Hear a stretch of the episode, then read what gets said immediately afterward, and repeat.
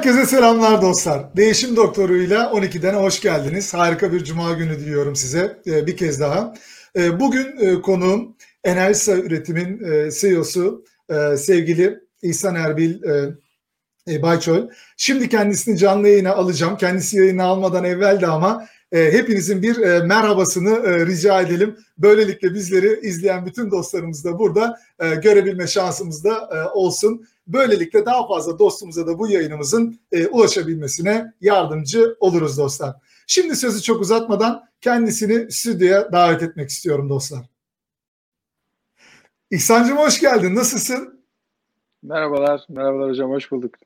Çok teşekkürler. Siz nasılsınız? Nasıl keyifler? Teşekkürler sağ olasın. Aslında e, yoğun ajandan arasında çok teşekkür ederiz. Çok ciddi bir e, mesai içindesin sen de. İçinde bulunduğumuz pandemi dönemi zaten başlı başına ajandaları alt üst etmiş durumda. Ee, bizim açımızdan bilgi, birikim ve deneyimlerini paylaşmak için bu zamanını ayırdığın için e, sana bir kez daha programın başında teşekkür etmek istiyorum. Estağfurullah memnuniyetle. Çok teşekkürler. Biz teşekkür ederiz hocam. Çok çok sağ olun. Şimdi e, e, sevgili İhsan, e, sana sormak istediğim e, Mart ayından hemen evvel yani bu pandemi başlamadan evvel e, bildiklerimizin değiştiği, değişmeye başladığı ya da asla bir daha sanki eskisi gibi olmayacağı e, gerçekliğinde e, günler geçiriyoruz. Yeni deneyimler kazanıyoruz. Şimdi ben burada özellikle İhsan Erbil Bayçol olarak yani birey olarak da lider olarak da kurum tarafıyla da ilgili sana bu süreç neler öğretti ya da neler öğretmeye devam ediyor? Ee, hocam müsaadenizle tabii pandemi söz konusu olunca bugüne kadar çok konuşma yapıldı. Belki herkes kendi kazanımlarını, e, edinimlerini paylaşmaya başladı.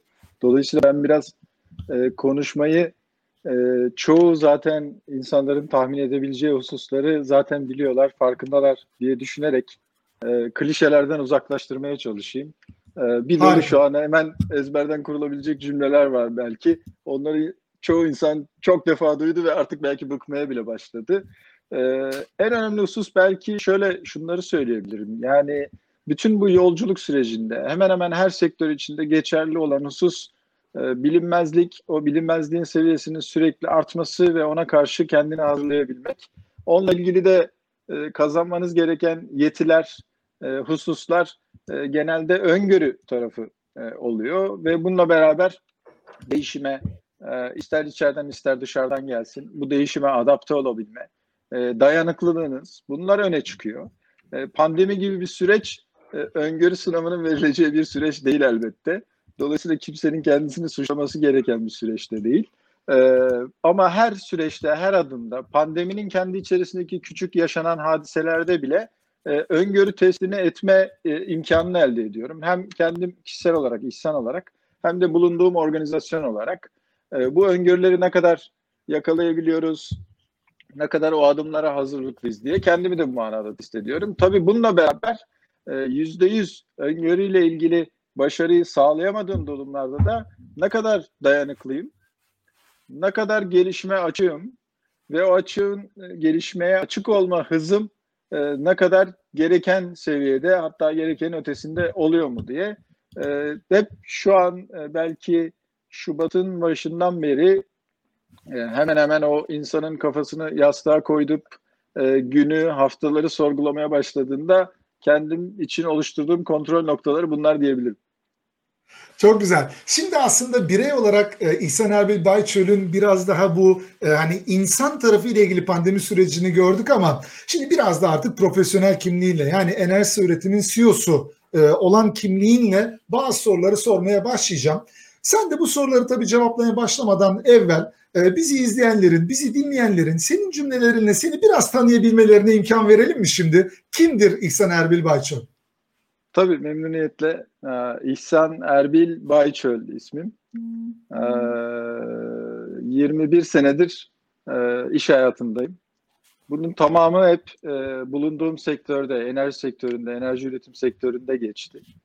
Ee, bir eşim, e, iki de kız babasıyım. E, bütün e, hayatımın ana merkezinde elbette ki eşim ve kızlarım var.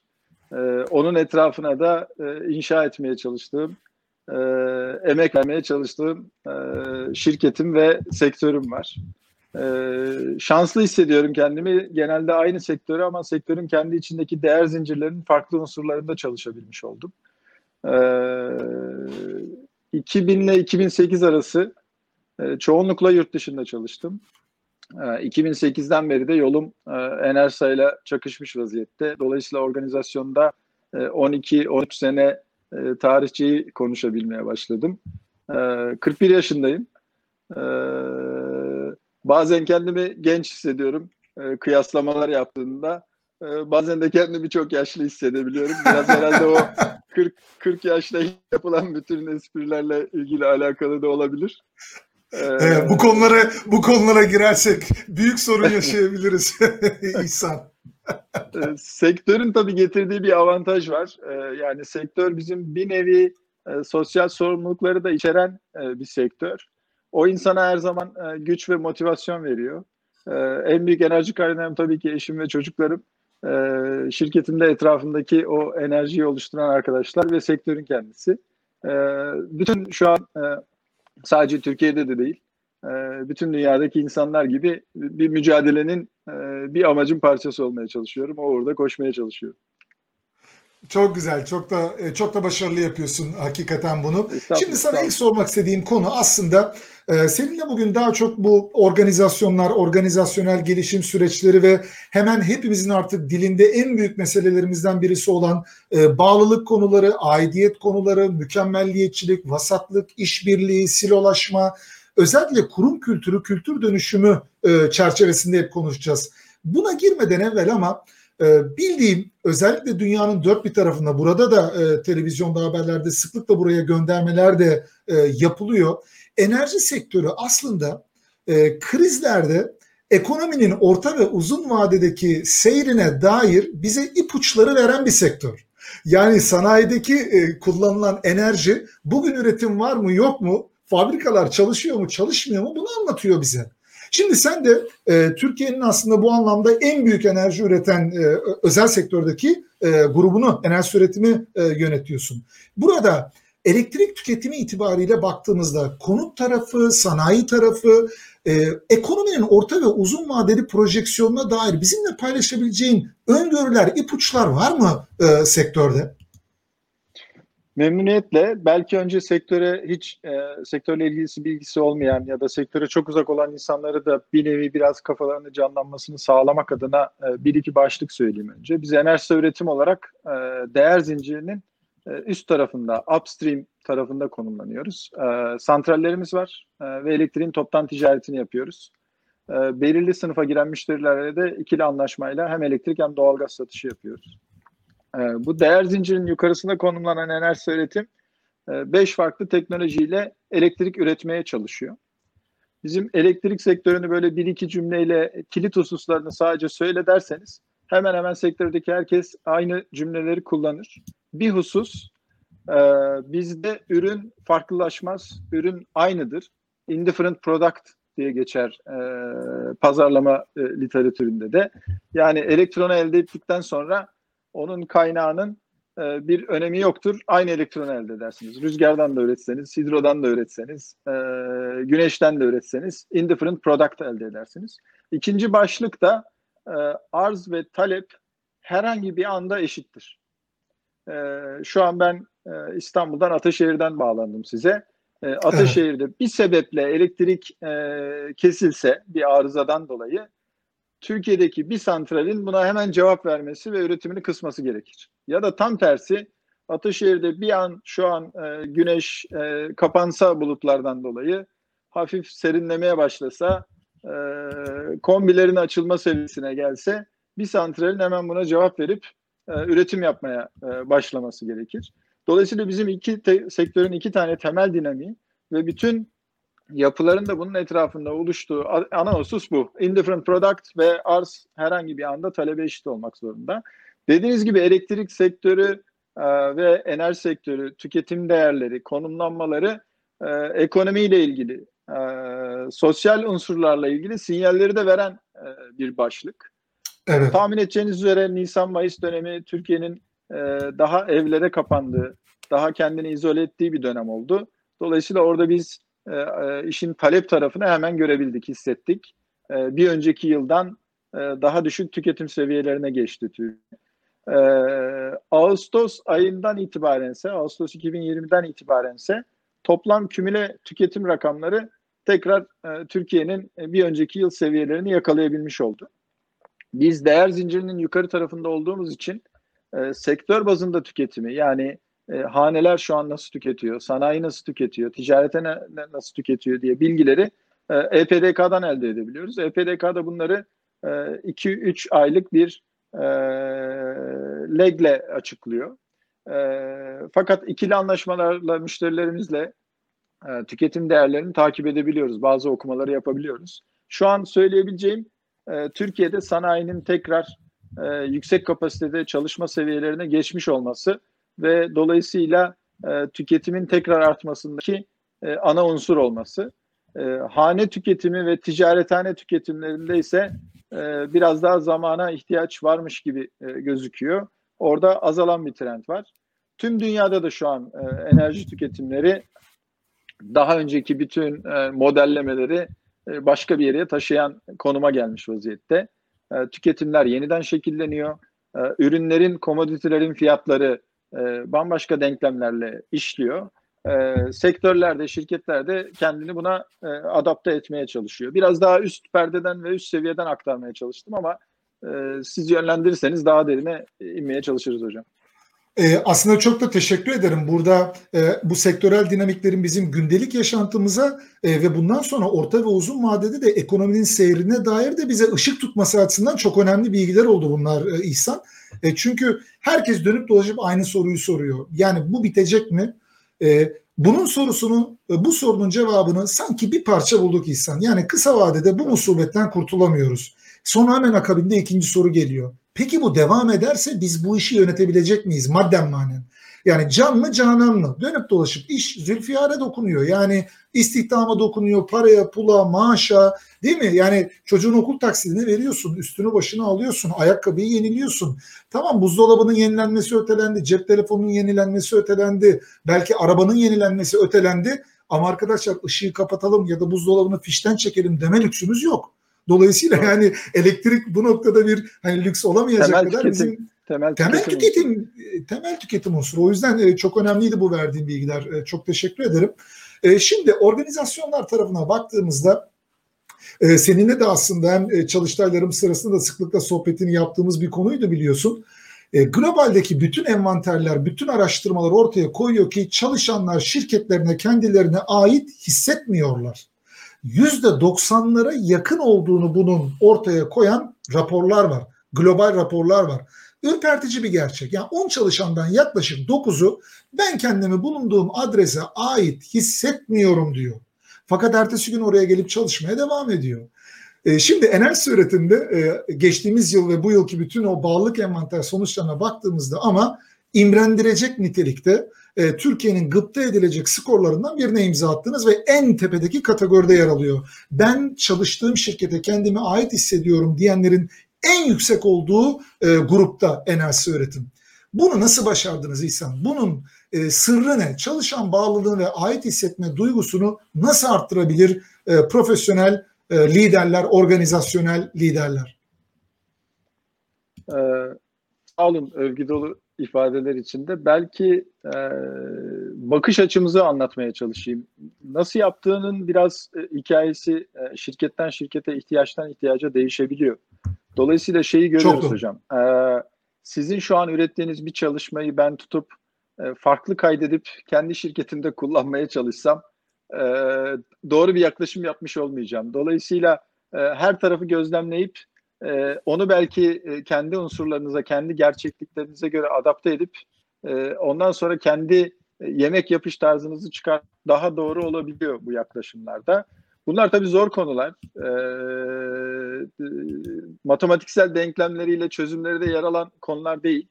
Ama bakış açılarını aktarmak açısından bir tane şunu söyleyeyim. E, biz yaklaşık 800 kişiden fazla insandan oluşan bir şirketiz. Ee, bizim için en önemli husus e, tek tek o insanların hepsi. Santrallerimiz değil, e, EBITDA'mız değil, e, karlılığımız değil, ürettiğimiz elektronlar değil. her bir birey bizim için e, bütün kararların, e, bütün hedeflerin e, merkezinde olan unsur. Ben bu organizasyona 2008'de başladım ve uzman olarak başladım. Ondan sonra da e, birçok farklı bölümde, birimde, e, sektörün e, farklı farklı geçtiği e, zorluklarda, e, değişimlerde yer alma, görev alma şansım oldu. E, ben de sabah kalkıp e, gittiğim ve gitmekte olduğum iş yeriyle ilgili hayaller kuruyordum. Değişimle ilgili kafamda e, canlandırmalar yapmaya çalışıyordum. Şu anda da tutup o canlandırmaları sadece baz alarak karar vermeye çalışmıyorum. E, bütün ekip, bütün bu 800 kişinin müdahil olduğu dünyayla e, hayatımızı, kurallarımızı, iş yapış tarzımızı, e, yaşayışımızı, nasıl bir organizasyon olmak istediğimizi, e, Enerjisi üretimin kültürünü beraber inşa ediyoruz. Değişmesi gereken hususları beraber tanımlamaya çalışıyoruz. Onu değiştirmeye çalışıyoruz. E, yaklaşımımız o. E, samimiyetle de bütün 800'den fazla olan arkadaşın her birinin, sadece onlar da değil, bizim bütün e, binalarımıza, santrallerimizin olduğu alanlara, terör günün içerisinden giren bütün insanları da bizden sayıyoruz. Bunlar yüklenicimiz olabilir, tedarikçimiz olabilir, bizi ziyarete gelmiş birisi olabilir. E, dokunduğumuz her insanı, her organizasyonu da paydaşımız sayıyoruz. Bunlar da dahil. E, bizim organizasyonun içerisinde bir görev aldıklarında, görev almak istediklerinde bunu keyifle yapsınlar. E, sabah insanlar kalkıp iş yerine gitmeye e, ya da bütün santrallerde yoğun mesai harcayan arkadaşlarım vardiyaları geldiğinde vardiya için santrallere gittiğinde keyifle gitsin. Sizin az önce tanımladığınız gibi e, ayakları geri geri gitmesin. E, keyif almaya gitsin. E, hayat e, güzelliklerle doldurulmanız gereken bir şey. E, keyif aldığınız unsurlarla doldurmanız gereken bir şey. Hayat işte zulüm çekip e, sadece evinizde rahat ettiğiniz bir şey olmamalı. E, dolayısıyla bütün kararlar da böyle verilmeli ve ihsan olarak ben ya da e, belirli unsurların, belirli birimlerin başında olan arkadaşlar değil, bütün organizasyon kendi kararlarını verebilmeli. Biz biraz bunun bu bakışla, bu yaklaşımla, hiyerarşiye biraz Berlin duvarı gibi dalarak o bütün duvarı yıkma mücadelesiyle karar vermeye çalıştık. Bir de bizim için belki önemli bir husus şuydu hocam. E, dediğim gibi bizim 21 tane santralimiz var. 5 farklı, farklı teknoloji. E, her biri de farklı farklı yerlerde farklı dinamikleri var. E, Seyhan Ceyhan Nehri üzerinde hidrolarımız var örneğin. E, Balıkesir'de, Çanakkale'de, Mersin, Mut'ta rüzgar santralimiz var. E, bir santralimizde yüzlerce kişi santrali çalışıyor. E, güneş santralimizin bir tanesinde sadece bir arkadaşımız çalışıyor. Bir e, arkadaşımız yönetiyor bütün santrali. Şu an sizle konuşurken bu santrallerin bir tanesi belki yoğun rüzgardan dolayı mağdur. Vincini çalıştıramadı, bir tamiratını yapamadı. Diğeri belki yağmurla mücadele ediyor. Öteki birinin başka bir derdi var. Ee, bizim buralardan İstanbul'dan e, teleskopla bakıp e, o e, lokasyonlarla ilgili e, fikir yürütmemiz, karar vermeye çalışmamızın yanlış olacağını gördük. Ee, biliyorsunuz o teleskopla gezegene bakmaya çalışırken bir derece kaydırsanız gezegeni göremezsiniz. Ee, Çok doğru. Dolayısıyla buradan bakmaya çalıştığımızda oranın e, içinde değilseniz o an, günlük hayatının kargaşasında değilseniz çok yanlış kararlar verme ihtimaliniz çok yüksek. Yanlış yönlendirme yapma ihtimaliniz çok yüksek. Biliyorsunuz global şirketlerde genelde şeyden şikayet ederler. Merkezden bir reklam filmi gelir. Ülkede de oyun onu yayınla derler ve zorlarlar. Ee, ve ızdırap çeker o e, lokasyonun sorumluları. Kesinlikle. Biz bu e, merkezden yönetme hususuna da yine Berlin Duvarı gibi e, hep beraber karar vererek e, kırmaya çalıştık, yıkmaya çalıştık. Şu an lokasyonlarımız e, kendileri çok önemli kararlarından sorumlular. E, bu sorumluluğu alıyorlar. Bu sorumluluğu alabilmeleri adına oraların güçlendirilmesinin mücadelesini beraber verdik e, o adımları attık. E, biz genelde merkezden daha ana çerçeveyi tanımlamaya çalışıyoruz. Ana kuralları tanımlamaya çalışıyoruz. Ama kararı, sorumluluğu e, santrallerimizdeki arkadaşlar ya da e, İstanbul'da ya da başka yerde birimlerden sorumlu insanlar, ekipler onlar alıyorlar. E, bu da bizim belki önemli adımlarımızdan bir tanesi oldu. Bunu da yine bakış açısı perspektifinden e, anlatmak istedim. E, bu hepimizin varlık sebebini tekrar tanımlayıp bu varlığı nasıl yönetmek istiyoruz ve katma değeri nasıl maksimize etmek istiyoruz diye masaya yatırdıktan sonra aldığımız kararlar neticesinde oluştu diye düşünüyorum. Tabii tekrar en başa döneceğim. Bütün, bunun bütün hepsinin başında insan var. O insanı biz e, evinden çıktığında nasıl bir mücadeleden sonra çalışma lokasyonuna e, götürebiliyoruz? O çalışma lokasyonunda gün içerisinde neler yaşıyor? Nelerin mücadelesini veriyor?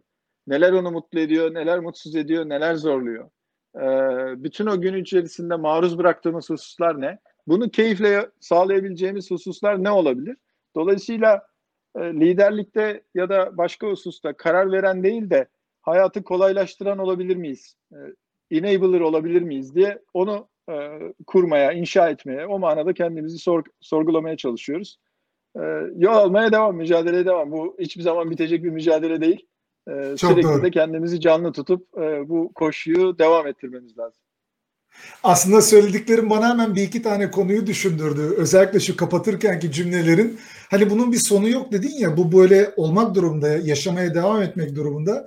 Galiba bu şirket e, bağlılığı konuların ya da insanı merkeze koyma kültür dönüşümünü sadece bir proje gibi görüp bir başı ve sonu var diye zanneden firmalar var. Diyor ki biz buna başladık yaptık parayı da gömdük niye olmadı hoca diyor. E olmaz. E çünkü bu yani yani benzinliden dizele geçmek gibi bir şey değil. Yani burada insan var burada kültür var. Yani insan beşer bir gün şaşar diyoruz. Oyun hamuru bu e, insandan sosyal bir varlıktan e, bahsediyoruz.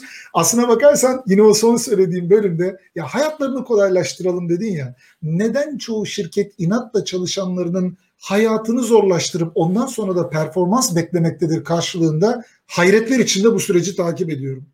E, ve e, bazen e, şimdi yapılan tabii sektörel dinamiklere göre bizi izleyen, e, takip eden dostlarımız mutlaka bunu düşünecektir ama şimdi e, şirketinizde iş herhangi bir yerde durduğu zaman, yani araba durduğu zaman bir takım kayıplar olabilir. Şimdi enerji üretimin dinamiklerini bilen birisi olarak bir santral bir gün sustuğu zaman yüz binlerle, milyonlarla ifade edilen para gidiyor. Yani durma lüksü yakından uzaktan olamayacak bir e, işten bahsediyoruz. Ayrıca elektrikten bahsediyoruz. Hadi bir elektrikleri kapatalım, şu oyunu yapmaya bir e, devam edelim. Zor işler rağmen böyle bir sektörde bile bizim için kıymetli olan santrallerimiz değil. Her bir bireydir diyebilmek ve bunu samimiyetle de insanların böyle içselleştirebildiği bir formata alabilmek de mümkün olan enerji üretimin bunu yapabildiğini görüyorum. Ee, bunun da hani mimarı olarak tabii ki senin nezdinde tüm ekibi de gönülden e, tebrik ediyorum. Süreci A'dan Z'ye şahitlik etmiş e, birisi olarak. Şimdi bir diğer konu. Ee, sevgili insan, herkesin dilinde mükemmel, mükemmelliyetçilik, daha iyisini yapacağız falan, vur kırbacım. Hani kutsal damacana vardı ya, ver kutsalı, ver kutsalı diye böyle mükemmel, mükemmel. Sizin de ilkelerinizden biri olduğunu biliyorum bunun. Peki, İhsan Erbil Bayço, mükemmelliyet ve vasatlık kavramları ile ilgili ne düşünüyorsun? Bize ne anlatabilirsin? Acaba biz bu mükemmelliyet kavramını yanlış mı yorumluyoruz? Bu mükemmellik ifadesi bazen dediğiniz gibi tereddüt de doğurabiliyor. Bir endişe e, ya da korku da doğurabiliyor. Biz o mükemmelliğin peşindeyiz de e, kendi içimizde alt detayını tanımlarken daha iyinin peşinde koşmaya devam edeceğiz. Daha iyisini hep bir arayacağız. O arayış bitmesin. O arayış hep beslensin. O ırmak hep aksın. E, onu istiyoruz. Onu tanımlamaya çalışıyoruz. E, e, mükemmeli elde edeceğim diye e, bir şeyleri erteleme, e, illa mükemmel olacak yoksa bu 1-0 e, çalışacak gibi bir felsefe tanımlamamaya çalışıyoruz. Vasatlık çok tehlikeli bir unsur. Bireyler için de çok tehlikeli bir unsur. Şirketler için de çok tehlikeli bir unsur. Bir dolu eğitimlerde verilen kötü olarak artık anılan şirketler ya da sektörlerinden çekilmek zorunda kalmış olan şirketlerin reçeteleri çıkarıldığında ya da onunla ilgili teşhis yapıldığında vasatlık hemen ilk sıraya yazılan başlıklardan bir tanesi olacaktır. Ee, çok az istisna vardır. Ee, vasatlık e, bir yandan da e, insan psikolojisini çelen bir unsur. biraz hafif şeytani olan bir unsur. Çünkü vasatlık biraz güvenli alan. o güvenli alan Çok doğru. hafif bir dokunulmazlık hissi yaratıyor bu sefer. İşte hata aranıyorsa sürekli öyle bir felsefe varsa, öyle bir kültür varsa yine bir kaçış noktası. ama bununla beraber de bütün bu hayatın hızı, akışı e, vasatlığa hiçbir şekilde e, müsaade etmemeniz gerektiğini gösteriyor. E, bizi kendimize hepimizi bırakalım hocam. Şu an çoğumuzun çalışma sebebi e, çocuklarımız. Sadece kendi çocuklarımdan bahsetmiyorum. E, bütün bu ülkenin çocukları için bir gelecek inşa etmeye, bir dünya kurmaya çalışıyoruz. E, onlara inşa et, ederken, onlar için kafanızı yorarken e, vasatlığa müsaade eder misiniz? Böyle bir şeye fırsat bırakır mısınız? Hep hep daha iyi olsun. Hep e, acaba bir tık daha iyi yapabilir miydim? Bir şey daha yapabilir miydim? Muhtemelen sizle yaptığımız bu seansı ben daha sonra bir yerde seyredeceğim ve şey diyeceğim. Bak şu soruya şunu da ekleyebilirdim, bunu da diyebilirdim diyeceğim. Bunu niye yapacağım? Bundan sonra buna benzer bir seans olduğunda bunu dikkate alayım. E, şunu da düşüneyim, bunu bununla zenginleştirebilirdim e, diyeceğim. Bu bakış açısını her şeyde, her adımımızda, e, her kararımızda, her sürecimizde e, yaşayalım. Bu ırmak, bu damar sürekli çalışsın, çalışsın, sürekli beslensin. Onu istiyoruz. Yoksa e, teknik olarak hemen örnek vereyim. Bizim santrallerimizde biz bazen e, üretim rakamlarıyla tatmin olurduk. E, iyi noktada olduğumuzu düşünürdük bu felsefeyi getirmeye başladığımızda, bu mücadeleyi e, hayata geçirmeye başladığımızda üretim rakamlarımızın arttığını gördük. O üretim rakamlarının artması bize başka konularda ilham verdi. Bunu bir de şundan zenginleştirebiliriz dedik. Belki üretim rakamının artışı bir yerde stabile geldi ama zenginlik kazandıracağımız başka hususları tanımlayabildik. Bu mücadeleyi vermediğiniz sürece o ilhamın gelme şansı yok o sorgulamanın, o arayışın gelme şansı yok. Onun mücadelesini vermeye çalışıyoruz ve bunu bir bütünlükle vermeye çalışıyoruz. Bunu sadece bir e, finansal bir unsura konsantre olarak bir KPI e, e, baskısına maruz kalarak yaşamak değil. E, bu içtiğimiz çayı demlerken de böyle e, santralin bir tarafı biraz güzelleşsin diye, biraz e, hayati unsurlar kazansın diye diktiğimiz fidanda da böyle e, her adımda, her bakışta, her kullanışta, her e, perspektifte bu, bununla kendimizi sorgulamaya, bununla kendimizi test etmeye çalışıyoruz. Aslına bakarsan tabii organizasyonların da bu mükemmelliyetçilik kavramını tanımlarken sanki e, hatayı hiç sevmeyen, hata yapanı da falakaya yatırıyormuş gibi e, gören bir halüsinasyon içinde yorumladığını da görüyorum. Ya mükemmel olmak hataya karşı tahammülsüz olmak demek mi İhsan? Var mı böyle bir e, düşünce yapısı? Valla hocam e, şey klişe gibi oldu. Bu sene bile onlarca hata bireysel olarak, insan olarak ben yaptım. E, önemli olan bunları böyle rahat konuşabildiğiniz ortamlar yaratabiliyor musunuz? Ee, bazen öyle arasında denk geliyoruz. Arkadaşlarla oturuyoruz. Ee, şunu şöyle yapmıştım. Bunu böyle yapmıştım. Bak doğru e, diye rahat rahat e, paylaşıyoruz. Ya da e, bütün kendi şirket içi toplantılarımızda e, samimiyetle ben paylaşmaya çalışıyorum. Şunu şöyle öngörmüştük. Şimdi anladık. E, bunu değiştirelim. E, buna başka yön verelim diye. E, hatta hani hiçbir şey yapmıyorsunuz derler e, tarzı bir unsur var ya e, işte daha iyinin peşinde koşmak mücadelesi beraberinde hatayı getirecek. E, hatanın da en güzelini yapma mücadelesini vermeye başladı bu sefer. E, o daha iyi yenildim, hep yenildim vardı ya. E, o, evet, evet, evet. Korkmamak lazım, çekinmemek lazım. E, şöyle hatayla ilgili e, unsurda dediğiniz ile ilgili sınırlayıcı bir unsur varsa bu kendini DNA'nı inkar etmek gibi bir şey e, ve çok e, ciddi manada masaya yatırılması gereken bir psikoloji. E, bu mutlaka bertaraf edilmeli. E, bunun bunun mücadelesi verilmeli. Aslında ne kadar da önemli söylüyorsun. Daha güzel hata yapmanın mücadelesini vermek lazım. Hatasız olmaya mücadele etmek e, risk almayalım mücadelesine dönüşüyor. E, yani bir girdabın içine tabii e, bizi sokuyor. Sanki sen de hep bunu söylersin. Önemli olan hatayı öksüz ve yetim bırakmamak. Yani hatayı sahipsiz bırakmayacağız ki o hatadan öğrenebilelim. Yoksa o hata benim değil. İhsan'ın hatası. Şimdi görüntü dondu. E şimdi İhsan'ın hatası benim hatam mı? E, bize bu yayını yapma imkanı veren aracı platformun hatası mı? Ya da şu an yayınları yaptığımız sosyal medyadaki ilgili kanallar mı? O veya o. Bir kere bunun varlığını kabul etmeden gelişim alanlarını bir kere e, tasarlayabilmek de mümkün olamıyor. E, o yüzden söylediklerini altını çizmek suretiyle aslında not defterlerimize almamız lazım. Şimdi organizasyonlar da daha iyiye gitmek istiyor tabii e, sevgili İhsan. Senin söylediğin gibi. Bunlardan birisi de bu e, silolaşma illeti diyeyim ben. Yani şirket içinde, devlet içinde devletçikler, derebeylikler. Yani artık böyle pazarlama lideri değil, pazarlama derebeyi falan. Yani giriyorsun, yani herkes kılıcını çekmiş bekliyor böyle. E şimdi böyle bir yapının olduğu e, tarafta da odalarda işbirliği posterlerinden geçilmiyor ama. Arka planda derebeyleri birbirine kılıç sokup duruyor ama herkes de bir işbirliği sloganı. Ne düşünüyorsun bu işbirliği konusuyla ilgili? Silolaşma organizasyonların kaderi midir? Benden daha tecrübelisin. Dolayısıyla bu şimdi söyleyeceğime daha yorumlama yapabilirsin hocam. Ee, şey söyleyeceğim. Ee, bir tespit söyleyeceğim. Tespitime katılır mısın bilmiyorum. Silolaşma sanıyorum organizasyonla ilgili sıkıntılarda tespit ettikten sonra insanların en hızlıca inkar ettiği husus oluyor. Yani silolaş ekip ve silolaşmaya meyilli olan ekibe burada bir silolaşma varı çok açık ya da ima ederek söylemeye başladığınızda e, o ekibin büyük bir reaksiyonu ve böyle milisaniye hızında burada silolaşma yok diye.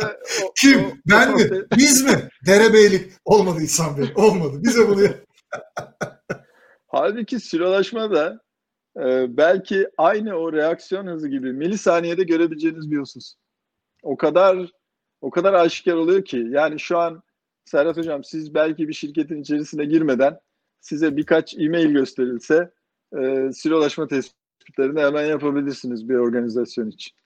Hiç şirketin Çok içerisine sokulmasanız kantin alanını şöyle bir size gösterseler, yemekhane alanını bir gösterseler, belki çalışma noktasındaki e, böyle bir 5-10 dakika, 15 dakika, 20 dakika gözlem yapma imkanı verseler e, çok rahatla tespit edebileceğiniz bir husus.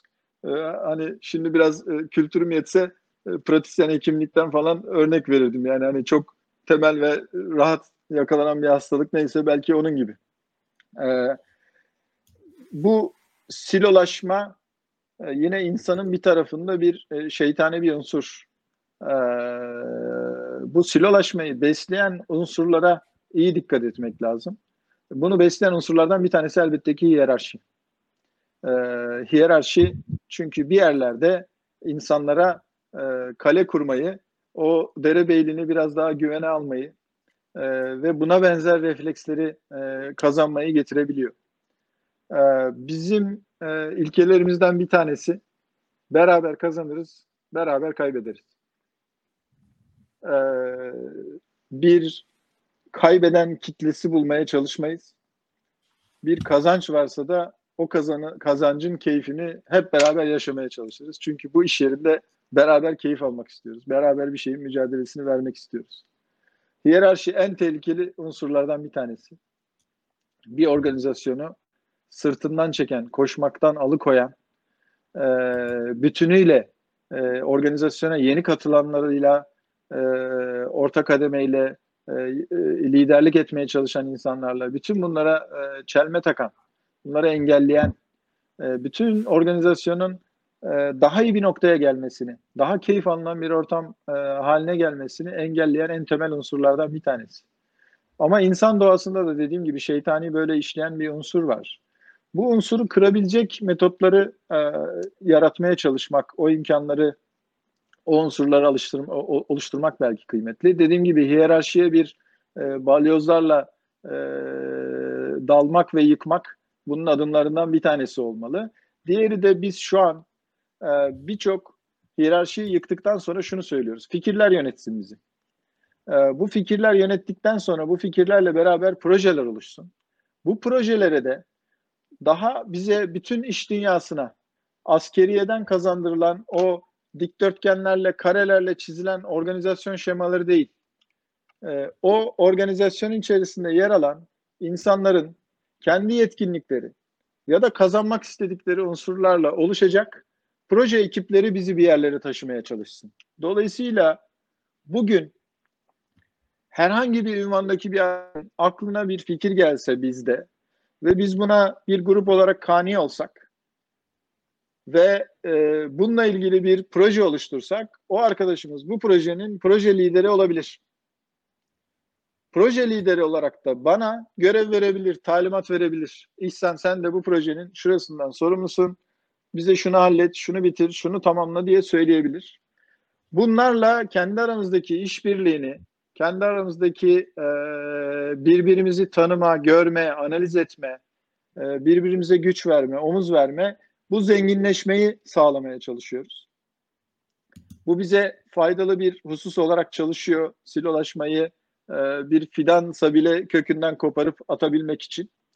Aynı zamanda da iletişim tarafını sürekli güçlü tutmaya çalışıyoruz. Pandemi herkese bir daha ispatladı ama bu ispatlanmaya da ihtiyacı olan bir husus değil aslında. İletişim. Bütün her şeyin tabanında bu yatıyor. Ee, birbirimizden haberdar olmamız lazım. Yani ben İstanbul'da çalışıyorsam yıllarca e, bir santralde günlük hayat nasıl geçiyor? Ee, neleri stres ediyorlar? Neler onları boğuyor? Ya da santralde çalışıyorsam genel merkezde İstanbul'da e, kaygılar ne, dertler ne, konsantrasyon ne diye biliyor olmam, haberdar olmam lazım. O birbirinden haber alma e, hususlarında e, zenginleştirmem, o kanalları e, kurabilmem lazım. Biz yeni bir ofise taşındık Serhat Hocam. İnşallah bu pandemi süreci e, geçince bekleriz sizi. Kesinlikle. Ataşehir'deyiz şu evet. an. E, bu ofisi e, her birinden fonksiyondan temsilci arkadaşlar çizdiler, şekillendirdiler. E, klasik bir e, çizim bu, yeni ofis bu, hadi yerleşelim e, mantığı olmadı. E, kendi içerisindeki yerleşim, bu az önce söylediğim e, birbirinden haber alma e, yoğunluğunun haritasına göre kurulmaya çalıştı. Dolayısıyla e, Serhat Hocam, Serhat'a bağlılar, İhsan, İhsan'la çalışanlar tarzı bir yerleşimden ziyade bizim iş akışı nasılsa o iş akışına uygun bir e, yerleşim kurulmaya çalışıldı. Ve bütün ofiste iyilik eki yok. Herkes istediği yere oturabilir, o gün başka bir yerden çalışabilir, o gün başka bir ekipte çalışabilir. E, bunlar küçük ama e, az önce söylediğimiz pozitif ya da negatif unsurları besleyen başlıklar. E, dikkat edilmesi gereken başlıklar. E, biz de dediğim gibi o, o, o mücadeleyi devam ettirmeye çalışıyoruz. Aslına bakarsan şu ofis vesaire konusunda hani ister taşınma durumu olsun, ister bir ofisin içinde bir yeniden düzenleme, hani tebdili mekanda ferahlık vardır derler ya eskiler Herkesin kafasındaki ilk şey benim oda hangisi, benim masa hangisi, ben hangi cepheye bakıyorum. Ya arkadaş mesela sizin bundan bir önceki ofis. Şimdi Sabancı Kulelerindesin. Yahu yani batıya doğru baksan ne olur, doğuya doğru baksan ne olur ya? 20. kattasın ya. Yani etrafta zaten yani türlü türlü İstanbul manzarası var. Hayır o öyle mi, bu böyle mi? Benim bilgisayar bu tarafım dönük, o tarafım dönük derken pandemi topumuzun cezasını verdi İhsan. Hepiniz evde oturun dedi. Yani çünkü başka türlü dedi ben uğraşamayacağım sizinle. Ama sorarsan ofiste senin için yer ne kadar önemli? Ne demek ya? Yer ne demek falan. Ama toplantı odasından çık koridor efendi bıdı bıdıdan geçilmiyor.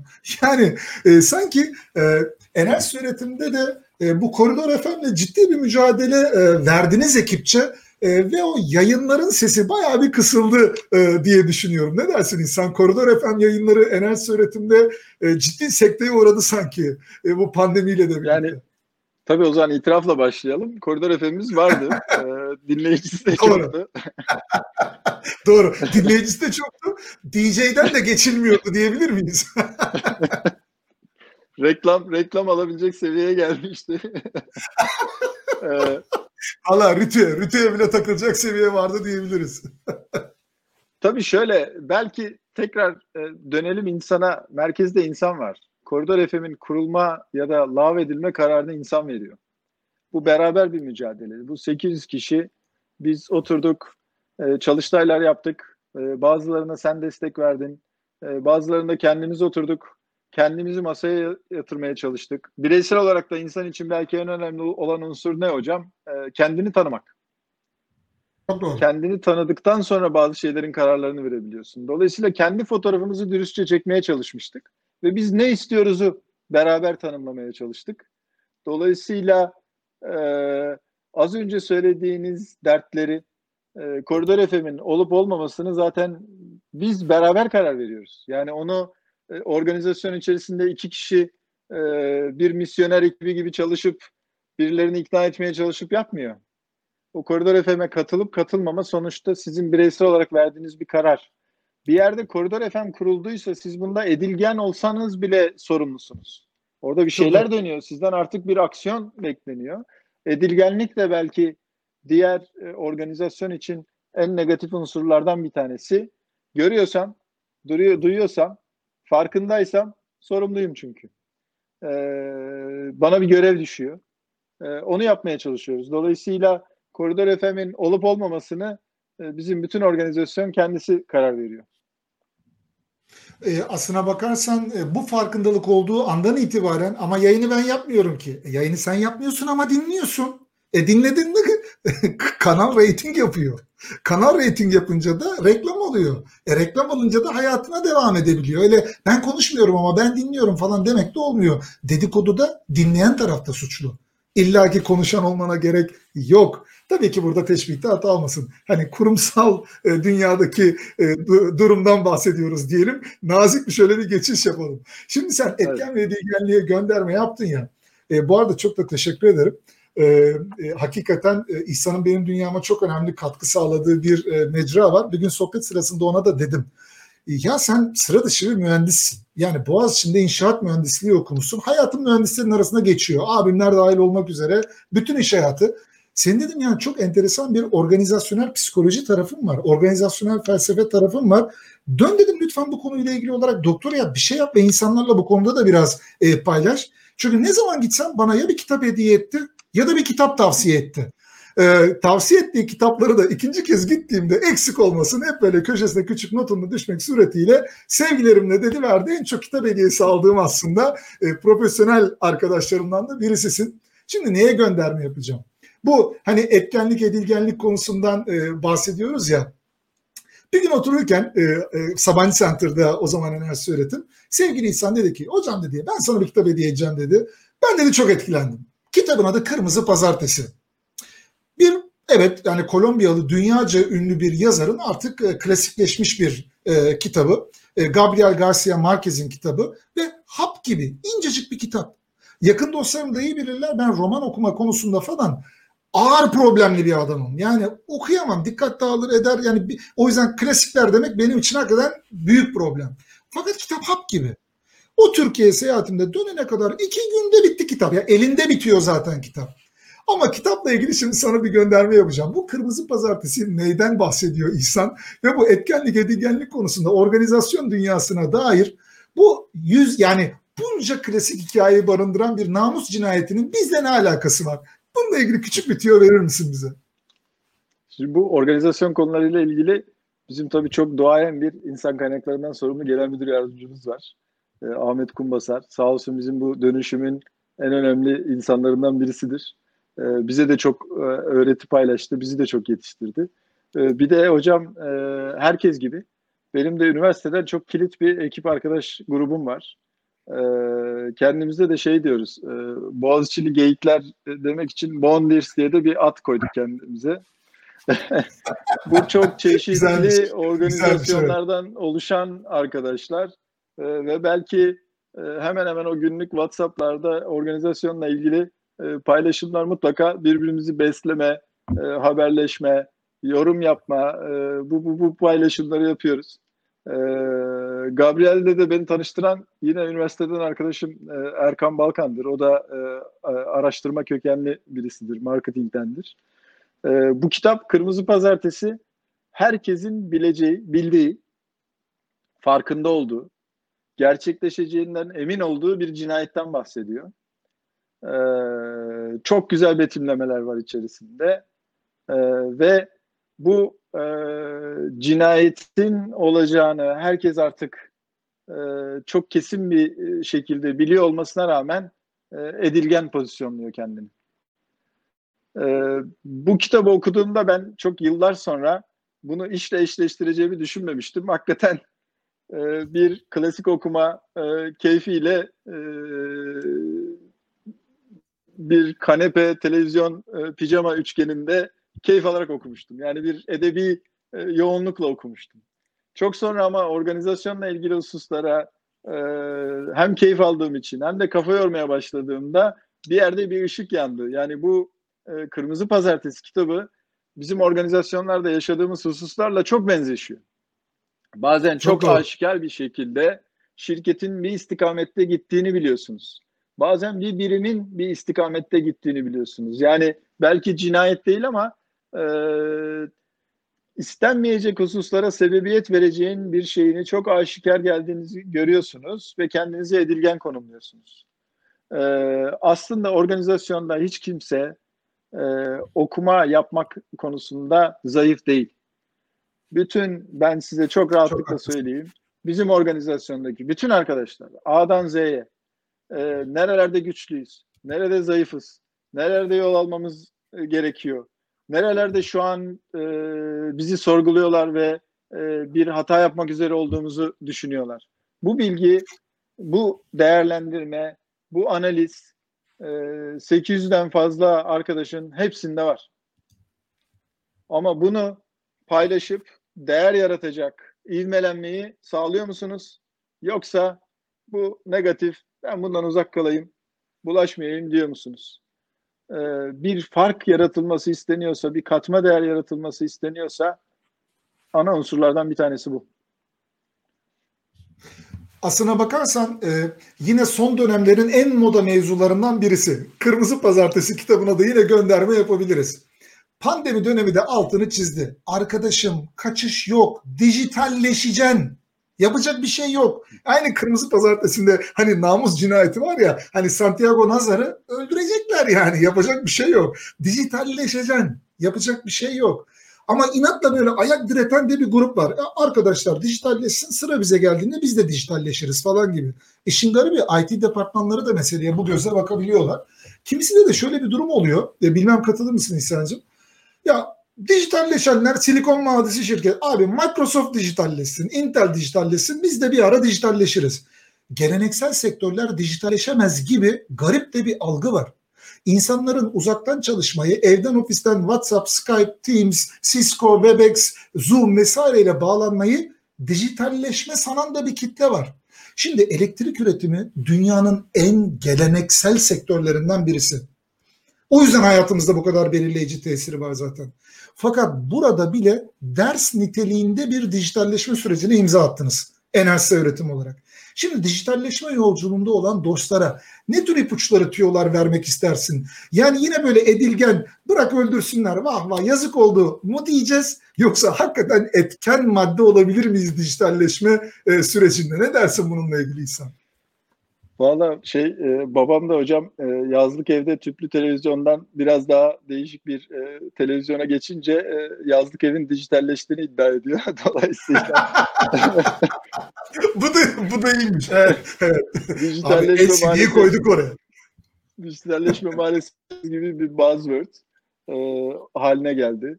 Aynı zamanda biraz e, bazen bilinir ya da bilinmez şekilde eleştirilen bir yer haline de geldi. O yazlık yerde ben mesela bir e, basit bir çay bahçesinde yan masanın konuşmasına şahit olmuştum. Bir yandan çay karıştırıyorlardı. Bir yandan da Apple kendini yenilemedi diye eleştiriyorlardı bundan 4-5 sene önce.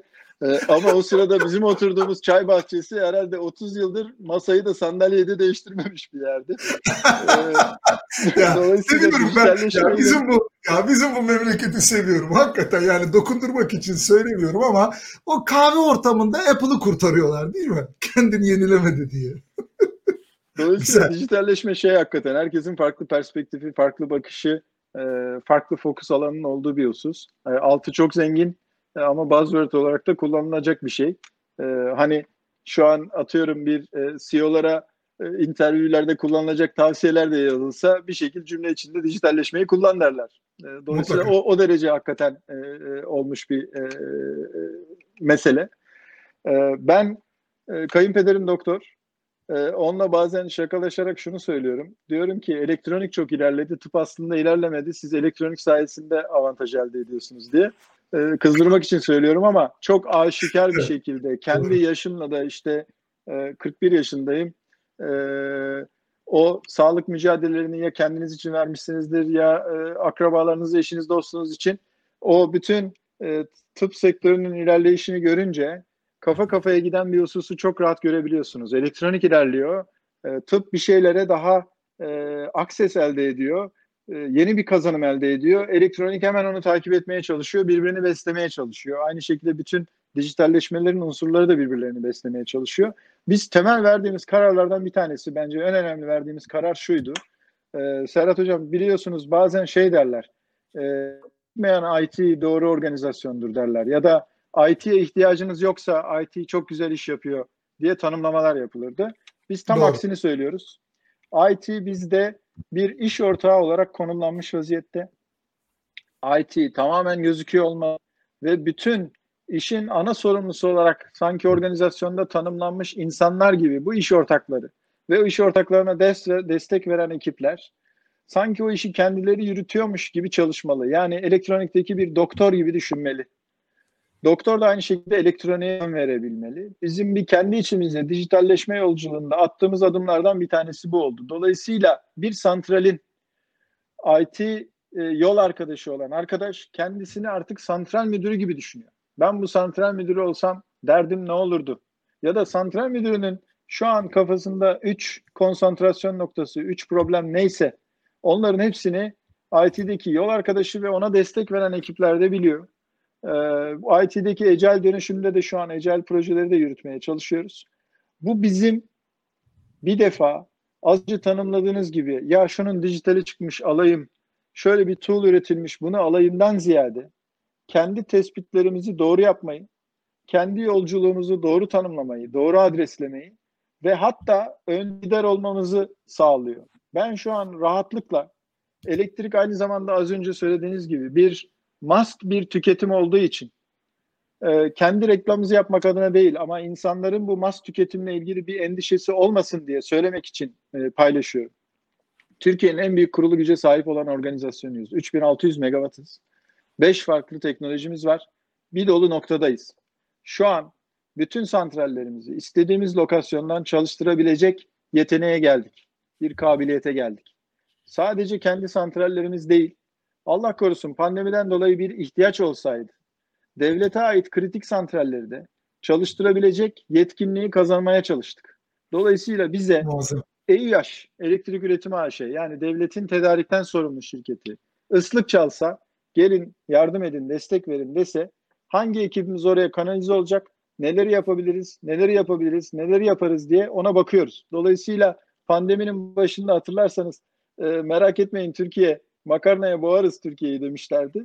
Ben de çok rahatlıkla söylüyorum. Türkiye hiçbir zaman endişe duymasın. Hiçbir zaman hiçbir yere elektronsuz bırakmayız. Ee, enerji üretimi olarak da onun mücadelesini veririz. Bunu verirken ama dijitalleşmeyi bir yerlerden farklı kaydet yaparak değil, bir yerlerden kopyalayarak değil, kendi analizimizi doğru yapıp kendi araçlarımızı, kendi unsurlarımızı, kendi e, tool'larımızı yaratarak yaparız ki yarattık. Bu manada kendimizi de sürekli test ediyoruz. E, bizim ortağımız biliyorsunuz biz bir müşterek teşebbüs ortaklığıyız. Yani joint venture'ız. E, %50'si bunun e, Sabancı Holding'e ait, %50'si de E.ON'a ait. E.ON sayesinde biz Avrupa'da kendi kendimizi test etme, yoklama şansını da elde ediyoruz. Dijitalleşme de o manada öne çıktığımızı görebiliyoruz. Yani şu an bize böyle bir hazır ürün var bunu ister misiniz diye getirilen ürünlerden daha iyi, daha zengin, daha e, fayda sağlayacak e, araçları yaratabildiğimizi e, görüyoruz. Bu elbette ki e, mücadelesi en çok devam ettirilmesi gereken bir alan. Allah korusun hani ben oldum dediğiniz an Nokia 3210 olma ihtimaliniz olan bir alan. Sürekli e, geliştirmeniz lazım siz kendinizi. Sürekli zenginleştirmeniz lazım. Bu da anca o az önce söylediğim tıp ve elektronik nasıl beslemiştik o manada bizim dijitalleşmeye adamış kendini bütün arkadaşlarla e, sürekli işi gücü ana core business olan arkadaşların doğru paslarım, paslaşması, birbirini beslemesi, zenginleştirmesiyle olacak diyorsunuz. Nokia Nokia 3210'a dönmek diye bir şey de var hakikaten insan. Ee, ne telefonda hakikaten. Ya tek başına bir telefon pazarda %60 pay olur mu? E, olur ama Nokia 3210 dediğin gibi. Şimdi biraz önce aslında bir göndermede bulundun ya.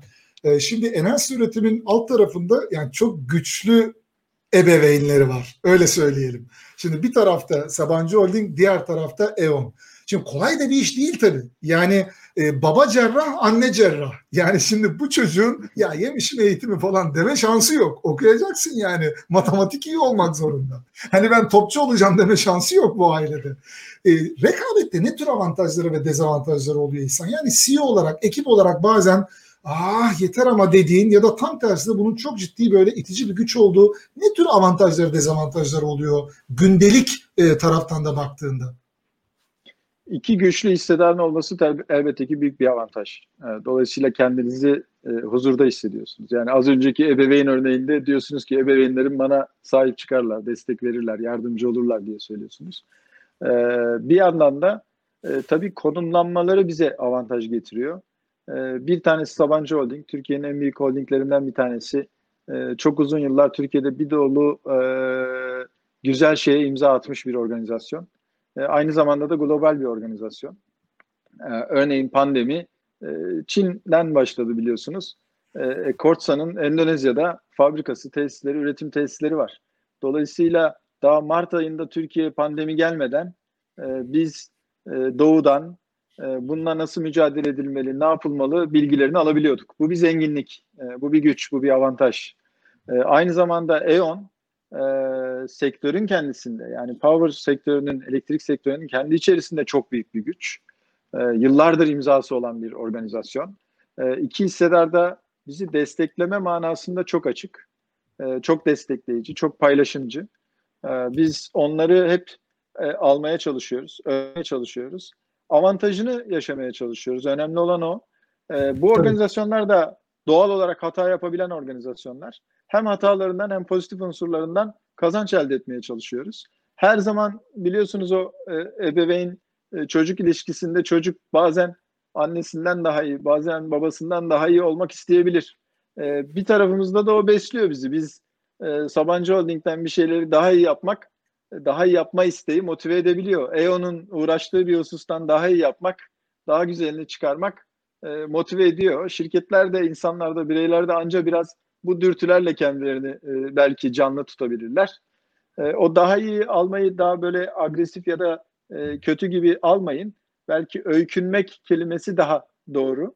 E, bir habis bir bakışla e, geçeyim, daha iyisini yapayım değil. E, o e, konuştuğumuz mükemmelliğin peşinde olmakla daha iyisini yapma mücadelesini verirken e, o arayışla bakmak gibi tanımlamak lazım bunu. E, E.ON bize özellikle e, toptan ticaretin yürütülmesi konusunda çok çok yardımcı oldu. Çünkü Türkiye e, elektrik üretiminde zaten yol almış, bazı unsurları oturtmuş bir e, ülkeydi. Ama toptan ticarette unsurlar e, yerinde değildi. E, ve biz oradaki bütün öğretilerimizi e, ya da kilit öğretilerimizi E.ON'dan ve E.ON'un çok açık bir şekilde bizde paylaşımcı olmasıyla edindik diye söyleyebilirim. Ama hemen de kendimizi hırslandırdık. İşte az önce söylediğim gibi öykünerek hadi bir şey daha iyi yapabilir miyim, şunu daha güzel yapabilir miyim e, konsantrasyonumuzu da yüksek tuttuk. E, o manada e, iyi yol almış bir organizasyonuz diye söyleyebilirim. Bütün bu organizasyon adımlarında da e, işin kendi özüyle ilgili olan unsurlarda da e, kendimizi hissedarlarımızla e, yoklayıp fotoğrafımızı çekmeye çalışıyoruz. Aslında bunu da e, sormaktaki en temel amacım da şuydu. Türkiye'nin göz bebeği ihracatçılarımız var. Yani Anadolu'da o kadar güçlü, kendi sektörel dikeyinde güçlü ihracatçılar var ki bazen yeri geliyor yabancı ortak alma konusunda vesaire çekingen ve ürkek davrandıklarını görüyoruz. Abi yabancılar işimize karışır, onlar işimizi bilmez, onlar bizi yutar vesaire. Hayır yabancı ortak almak onların aslında bilgi, deneyimlerinden sadece paralarından, pullarından değil e, sektörel deneyimlerinden de globale açılma konusunda da önemli olan tabii orada hani akıllı para aptal para tanımları var. Türkçe'ye çevirirken biraz garip oluyor ama hani biz sadece böyle aptal para arayışındayız. Yani para versin işe güce karışmasın. Hayır akıllı para diye bir şey de var. 3 para 5 kuruş daha uygun fiyata ver ama senin sektöründe sana fayda sağlayacak bir yabancı ortak da e, bulabilirsin. E, dünyada paranın kendine yön aradığı bir dönemde borsalardan akın akın çıktığı bir dönemde aslında gayet karlı, sürdürülebilirliği olan ve geleceği olan e, özellikle katma değerli üretim yapan şirketlere yatırım yapmak için arayan da sermayedarlar var dünyanın dört bir tarafında. O yüzden buna bir gönderme yap, yaptım. Yoksa izleyen dostlarımız abi Sabancı Holding Eon bunu bize niye anlattırıyorlar ki dinlettiriyorlar ki demesinler. Altında yatan amaç da aslında biraz e, bu. Senin şimdi zamanla ilgili hassasiyet de biliyorum. Bir sonraki toplantına da geçe bırakmak istemiyorum. E, profesyonellere dair bir e, fikrini almak istediğim konu var. Şimdi bir grup çok ciddi mesaj bombardımanındayız biz İhsan. O da kişisel gelişim kitapları, TEDx konuşmaları, videolar, paylaşımlar. Konfor alanından çık, konfor alanından çık. Konfor alanından çıkmayanı dövüyorlar. Yani öyle bir duruma geldik. Diğer tarafta da bir grup var. Ya bu dönem risk alınacak dönem değil. Akıllı ol, sakin ol diyen dostlarımız, yakın çevremiz bir de böyle bir öğüt var. Ya biz konfor alanımızdan çıkalım mı? Akıllı olup duralım mı durduğumuz yerde? Sıkıştık kaldık biraz e, işin doğrusunu istersen insan.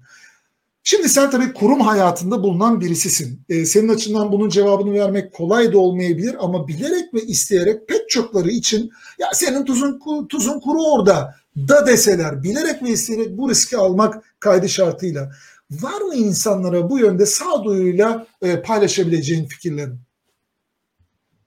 Şimdi bu Covid-19 süreci aslında bir e, şanssızlık gibi bakmaya kalkarsanız aslında yanlış e, bakacağınız bir hadise. Bu hayatın parçası olan bir hadise. Bir şanssızlık hadisesi falan değil. Hayatın akışında olma ihtimali olan unsurlardan bir tanesi. E, belki de hepimiz için, tüm dünyadaki insanlar için de e, kariyer hayatlarının, yaşamlarının en önemli anlarından bir tanesi. E, çok güçlü bir şekilde de aslında trend haline gelmiş olan e, learn, unlearn ve relearn konseptini de hatırlatan bir süreç. Bildiklerimiz çok hızlı bir şekilde eskiyebiliyor. Ve pandemide rahatlıkla görebiliyoruz ki dünün doğrularıyla bugünün şu anki problemini çözmeye yaklaşmak zaten neredeyse intihara yakın bir hadise. Dolayısıyla birçok insan aynı manada eşitiz. Ee, çünkü e, ben de insan olarak benim organizasyonum da çalıştığım organizasyon da e, unlearn yapmak zorunda. Ve relearn yapmak zorunda. Unlearn yaptığınız andan itibaren herkesle eşitsiniz. Relearn'de fark yaratabilirseniz e, adım atabileceksiniz. Dolayısıyla birinci konfor alanından çıkma meselesi bir şeyleri halledebildikten sonra hemen e, unlearn'e soyunmak. Sonra relearn'ü neyi öğreneceğinizi, tekrar öğreneceğinizi tanımlamaya çalışıp e, onun mücadelesini vermek. E, bunların hepsinde de olabildiğince vizyoner olmak. Hep bir tarafınızdan birisinin size remember the future demesi. Yani gelecekle ilgili bir tahayyül etmeye çalışıp ona bir vizyon eşleşmesi yapmaya çalışıp sonra da kendinizi sürekli adapte olabilecek şekilde tutmak ve çevik tutmak. Ee, bu söylenmesi biraz kolay ama yapması belki zor. Ama aynı zamanda fırsatları da çok getiren e, bir dönemde de atlanmaması gereken bir husus. Fırsatı belki biraz somutlaştıralım hocam. Ben üniversite sınavına çalışırken ara ara kendime şey sorusunu sorardım. İşte yanlış hatırlamıyorsam 1.2 milyon kişi girecekti galiba ÖYS sınavına benim girdiğim sene. Ee, ya inşallah doğru kitaptan çalışıyoruz dersiniz bazen çalışırken. Çünkü 1.2 milyon kişi e, yani inşallah doğru konuya ve doğru kitaptan çalışıyorum dersiniz. Beraber girip evet. şeyin mücadelesini vereceksiniz. Ara ara kendinizi bir dönüp sürekli yoklamanız gerekiyor. Ve ben bir Anadolu'nun bir ilinde üniversite sınavına hazırlanmıştım. Düşünürdüm böyle İstanbul'daki acaba şu an neyle hazırlanıyor sınava? İzmir'deki nasıl çalışıyor ve nasıl hazırlanıyor diye. Şu anda da dünya vatandaşlığına geçme arefesindeyiz. Hepimiz onu gördük. Ee, hep bakarken kendimize insan, kendimiz, organizasyonumuz, paydaşlarımız, toplum, ülke ve dünya diye bakmak zorundayız. O dünya vatandaşlığı yolculuğunda e, yap zenginleşme geldi. E, işte üniversiteden hazır örnek vermişken üniversiteye giderken de ben acaba Harvard'da nasıl ders anlatıyorlar diye merak ederdim. Şimdi o derslerin hepsini online ulaşabiliyorsunuz, dinleyebiliyorsunuz. Bizim değerleme konusu benim çok meraklı olduğum bir konudur. E, valuation, şirket değerleme meselesi. İşte Aşvat Damadoran yıllardır bütün derslerini e, açık yapıyor. Sınav sorularını paylaşıyor. Sınav sorularının nasıl çözüldüğünü de paylaşıyor. Şu an birçok insan, benim kızım da e, evden, laptop'tan e, derse bağlanmaya çalışıyor. O üniversiteye giriyor olsaydı şunu düşünürdüm muhtemelen. E, acaba bu üniversite değil de dünyanın şurasında yer alan şu üniversiteye mi gitse? Çünkü ilgilenmek istediği başlık bu derdim. Şu an öyle bir imkan geldi. E, şey geldi hocam işte siz geçen hafta e, Profilo'dan e, Özlem Hanım'ı çıkarttınız. Ondan önce e, Mehmet Bey'i çıkarttınız Yaşar Holding'den. Ben Pınar Süt'ün hikayesini dinleyebildim. E, bu evet. tarz e, imkanlar oluştu. E, eskiden beklerdiniz işte e, Coca-Cola'nın CEO'su bir anı kitabı yazsın da okuyayım bakayım diye. Şu an anlık insanların hem de hemen sıcak olan konulara nasıl baktığını, nasıl yorumladığını. Şu an beni dinleyenlerin de birçoğu belki bazı başlarımı çok eleştirdi, bazı başlıklarımı pozitif buldu. Bir kazanım Tabii elde ki. etme şansı elde etti. E, hepimize o manada daha zengin tepside sunulmuş bir şey var. E, dolayısıyla e, bir şeyler yapılmak isteniyorsa mutlaka fırsat yaratabiliriz sanki. Yapmak istemiyorsak da mutlaka bir bahane e, bulabiliriz sanki.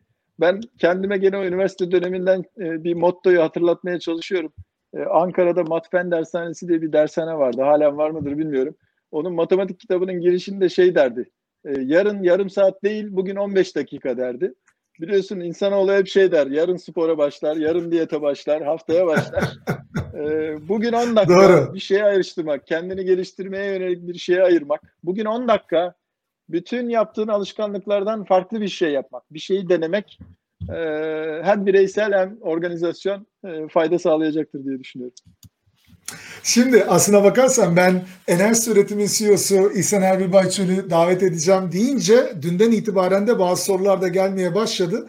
E, o sorulardan birisi e, şuydu. Dediler ki ya bu kadar hani yüz akı bir şirket. E, çok geleneksel bir sektör. Sektörün en büyüğü. Yani fotoğrafından daha böyle bakıp çok genç e, nasıl oldu bu işler diye sorunca tabii eminim içi seni dışı beni yakar e, diye anlatacağın çok hikayem vardır eminim ama bir taraftan da hani gençlere tavsiyeler başlığında gibi değil ama kendi yaptıkların üzerinden aslında e, biraz ilham kaynağı olmaya çalışalım. Nasıl oluyor? Yani enerji üretim gibi şimdi özel sektörde burada bak kurulu güç itibariyle bu kadar büyüyor olan biraz önce de ne kadar güzel söyledin pandemi döneminde hani yemek olmazsa makarnaya boğarız denildiğinde hani ülke merak etmesin elektronsuz bırakmayız bu ülkeyi dedin ya ne kadar e, güzel yani elektriksiz enerjisiz kalmayız dedin.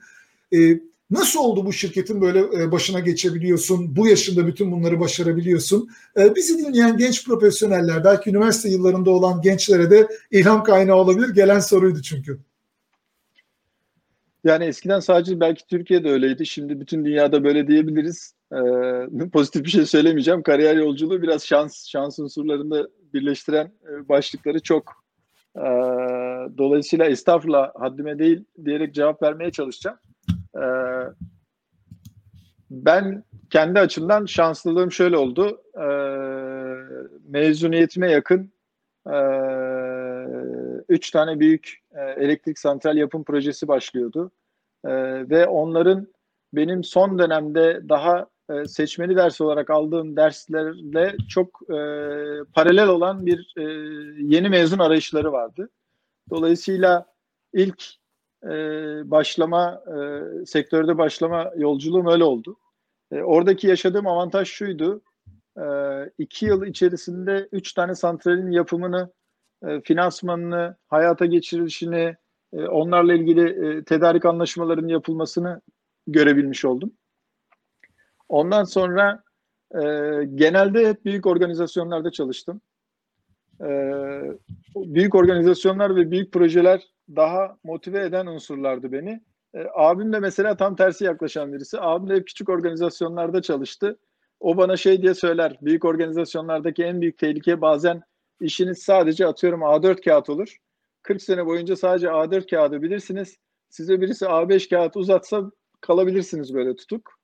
E, abim de o küçük şirketin o dinamizmini seviyordu. E, A'dan Z'ye her şeyle uğraşıyorum. Hakim yani bana derdi ki ben Evet. ofisin ofisin çayını almayı da nasıl alınacağını biliyorum. Fatura kesmeyi de biliyorum. Senet doldurmayı da biliyorum. Bana şey derdi hani sen muhtemelen çek görmedin daha hayatında ya da senet görmedin diye söylerdi. Doğru hakikaten. Her işin kendi içinde avantajı, dezavantajı, zenginlik unsurları var. Ben olabildiğince fazla şeye maruz olmaya çalıştım bütün e, hayatım boyunca. E, o manada e, dediğim gibi kariyer biraz şans meselesidir. E, zarlar da genelde benden yardımcı oldu. E, büyük projeleri, Türkiye'de elektrik piyasasının dönüşümü e, 2000'lerin başına yaslanıyor. Liberalleşmesine karar verilmiş bir sektör. Sonra da e, çok büyük adımlarının atıldığı e, bir sektör. Aynı zamanda yenilenebilir de Avrupa'ya göre geç kalındığı fark edilir fark edilmez de çok büyük adımlar atılması gerektiği tespit edilmiş bir sektör. Ben tam o zamanlarda e, uygun ortamlarda olduğum için görme şansım, değerlendirme şansım oldu. Enersa'nın kendi içerisindeki tarihte yolculukta da e, bir dolu başlıkta yer alma şansım oldu. E, o bazı bölümleri belki hızlandırılmış İngilizce kursuna girmek gibi oldu. Hızlıca çok fazla şeyi, çok fazla başlığı görebilmeye, detayına inme şansım oldu. Dolayısıyla biraz belki kariyerimi öyle işledi diye söyleyebilirim. Tavsiye dediğim gibi yine haddim olmayarak sadece belki bakış açısı kazandırmak açısından söyleyebilirim. Yani insanın kendini tanıması çok önemli.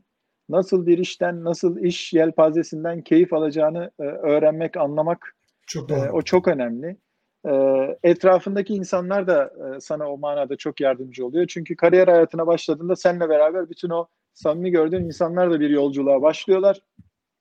Hiç görmeme, duymama ihtimalinin olduğu sektörleri, işleri, onunla ilgili içerikleri öğrenebiliyorsun ve ufak ufak kendinle alakalı karar veriyorsun. Zor olan belki şey hocam, bir iş hayatına girip bazı şeylere gerçekten fiili olarak maruz kalmadığın sürece kafanda bir şeyleri canlandırmak, tahayyül etmek, bir kitaptan okuyarak o tecrübe edinmek kolay değil. Yani o e, ateşe maruz kalacaksın, pişeceksin, nereden keyif aldığını göreceksin ve ona göre kendini kanalize etmeye çalışacaksın. Bütün bununla beraber çok rahatlıkla şeyi de söyleyebilirim. Kariyerde bana e, böyle çok gözümün önüne hemen gelen videolardan bir tanesidir. E, David Cameron, Tony Blair'i eleştirirken e, dedi ki you were the future ones diye bir eleştiride bulunmuştu. Tony Blair biraz bozulmuştu ama evet demişti hani bayrağı devretme zamanı geldi Cameron'a diye. E, sonra David Cameron da e, Brexit sürecinde e, ayrılırken parlamentodan I was the future ones diye bir konuşma yapmıştı. E, bütün evet, o kariyer yolculuğunda o o noktaları yaşıyorsun ve görüyorsun. Yani e, o noktada artık e, future mısın e, yoksa e, was the future mı oluyorsun? Onu çok rahat görebiliyorsun. Onu ne kadar göğüsleyebilmek, e, kabullenmek, içselleştirmek belki önemli.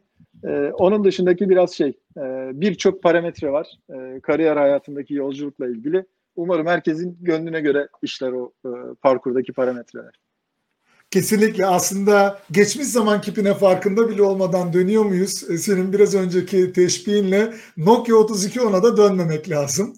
Hani bir taraftan Apple kendini yeniliyor mu, yenil, yenilemiyor mu hikayeleri bir kenara. Tatil beldesindeki çay bahçesi e, diyalogları amcalarımızın kendi arasında yaptığı Nokia 3210'a da tabii e, dönmemek lazım. E, sevgili İhsan ağzına sağlık. E, o kadar güzel yorumlar var ki Tansu Bey demiş ki valla bu sohbetten elektrik almamak mümkün değil demiş. yani enerji üretim CEO'su ile yaptığımız sohbete de herhalde e, bu yakışırdı e, diyeyim. E, bir taraftan da e, çok da teşekkür ederim e, hem e, bizi izleyenlere. E, açıkçası normalde tabii genel kitlemiz hep LinkedIn'de olduğu için orada izleyen kitlemiz her bir programda e, binleri buluyor ve aşıyor. Ama hiç e, bu kadar YouTube tarafında da e, yoğun miktarda izleyici aldığımız bir program olmamıştı. Bunu da söylemem lazım çünkü ekranda bir taraftan onu da görüyorum. Anlıyorum ve görüyorum ki insanlar hakikaten bu kadar büyük bir şirket, böyle geleneksel bir sektörün nasıl dijitalleşme sürecinde başarılı olduğunu, bağlılık süreçleri, işbirliği süreçleri, mükemmelliyetçilik kavramlarının daha net anlaşılması, algılanması, etken edilgen kültürle nasıl baş edebildiğine dair e, biraz e, meraklı olmak suretiyle aslında ne mutlu bize ki sevgili İhsan senin e, söyleyeceklerini dinlemek istemişler. Bundan da büyük bir mutluluk e, duyuyorum. E, son sözü sana e, bırakmak isterim. E, akabinde e, seni yolcu edelim. Ben de programı kapatırım. E, söz sende sevgili İhsan.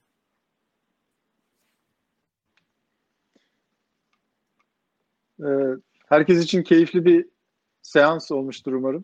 E, bizi keyifle dinlediğinizi umut ediyorum. E, bu süreç geçecek. E, belki şeyi hatırlatalım hocam müsaadenle. E, Latince deyiş vardır. E, dum spero, spero diye. E, nefes aldığım sürece umut ediyorum diye. E, pandemi hiç çok güzel. Bunu, bunu bilmiyordum. Evet, çok güzel. götürmesin. E, pandemi hiç kimseyi karamsarlığa, e, beis bakışa götürmesin. E, Nazım'ın şiirindeki yaşamak ciddiye almaktır gibi yaşamaya, mücadele etmeye devam edelim. E, Mehmet Akif'in söylediği gibi de e, beis batağına, e, yeis batağına düşmeyelim. E, azmimize sarılalım. E, üretmeye, mücadeleye devam. Biz organizasyon olarak üretmeye ve mücadeleye devam edeceğiz. Enerji üretimin de zaten sloganı üretiyoruz. Yani o yüzden de değil mi? Üretmeye de aynen devam edeceğiz. Ağzına sağlık. İyi ki varsın. Yolunuz açık olsun. E, memleket olarak bizi sakın ha elektronsuz e, bırakmayın sevgili İhsan. Kolaylıklar diliyorum. Görüşmek olmasın. üzere. Sevgiler. Çok teşekkürler. Sağ olun. Çok teşekkür ederim. Bir mukabele İhsan. Evet dostlar. E, konu bugünkü konum e, Enersa üretimin e, CEO'su e, sevgili e, İhsan'dı. Kendisine bir kez daha çok teşekkür ediyorum sevgili İhsan Erbil e, Bayçöl'e. E, bizimle aslında çok önemli konularda işbirliği ile ilgili, silolaşma ile ilgili, mükemmelliyetçilik yaklaşımı ile ilgili, vasatlık kavramıyla ilgili, bu derebeylik kültürüyle nasıl mücadele edebileceğimizle ilgili, çalışan bağlılığı, çalışan aidiyet duygusuyla ilgili global büyük iki grubun iştiraki olarak çalışmanın avantajları, dezavantajları üzerine profesyonel hayata dair son dönemde çok sıklıkla duyduğumuz bu konfor alanları ya da konfor alanından çıkmanın ne kadar anlamlı olabileceğine, olamayacağına, bildiklerimizi unutmanın, unuttuklarımız yerine yeniden öğrenmemiz gerekenlerin ve kendimizi güncel tutmamızın neden e, önemli olduğunun altını çizen ipuçlarıyla e, doldurduğu güzel, keyifli bir sohbete imza attık. Bir kez daha bu vesileyle kendisine de teşekkür etmek istiyorum. Siz de bu programı faydalı bulduysanız eğer bu sohbeti beğen tuşuna basabilirsiniz ya da paylaşabilirsiniz. Daha fazla sayıda genç kardeşimiz, genç profesyoneller ya da dostlarımıza ulaşmasına yardımcı olabilirsiniz. Bir sebeple canlı yayını kaçırmış olanlar ya da tamamını izleyemeyen dostlarımız da e, Değişim Doktoru, özür dilerim, Doktor Serhat Tatlı YouTube kanalına abone olmak suretiyle de hem bu programımızı hem diğer Değişim Doktoru ile 12'den sohbetlerinin tamamını izleme şansına sahip olabilirler. İyi ki varsınız diyorum. Önümüzdeki hafta yine birbirinden kıymetli konuklarım olacak. Önümüzdeki hafta çarşamba günü ve cuma günü. E, şimdilik isimleri bende e, sır kalsın. Pazar günü itibariyle kendilerini de e, size e, LinkedIn üzerinden, sosyal medya üzerinden yaptığım paylaşımla e, duyuracağım. Sorularınız, yorumlarınız çok fazla sayıda geldi. Bunlar için de size bir kez daha çok teşekkür ediyorum. Eksik olmayın diyorum. Elimden geldiğince bir taraftan yorumları da takip etmek suretiyle de aslında konuklarıma aktarmaya çalışıyorum. Arada ister istemez çok sayıda yorumlar geldiği için de kaçırabildiklerim oluyor. Çünkü yüzlerle ifade edebildiğim e, yorumlar e, geliyor birbirinden farklı sosyal medya kanallarında. E, ne olur e, yapamadığım, aktaramadığım e, sorular ya da yorumlar olursa da e, siz de kusuruma bakmayın diyeyim. Şimdiden harika bir hafta sonu olmasını diliyorum sizlere. Görüşmek üzere. Kalın sağlıcakla. Sevgiler, selamlar dostlar. Bay bay.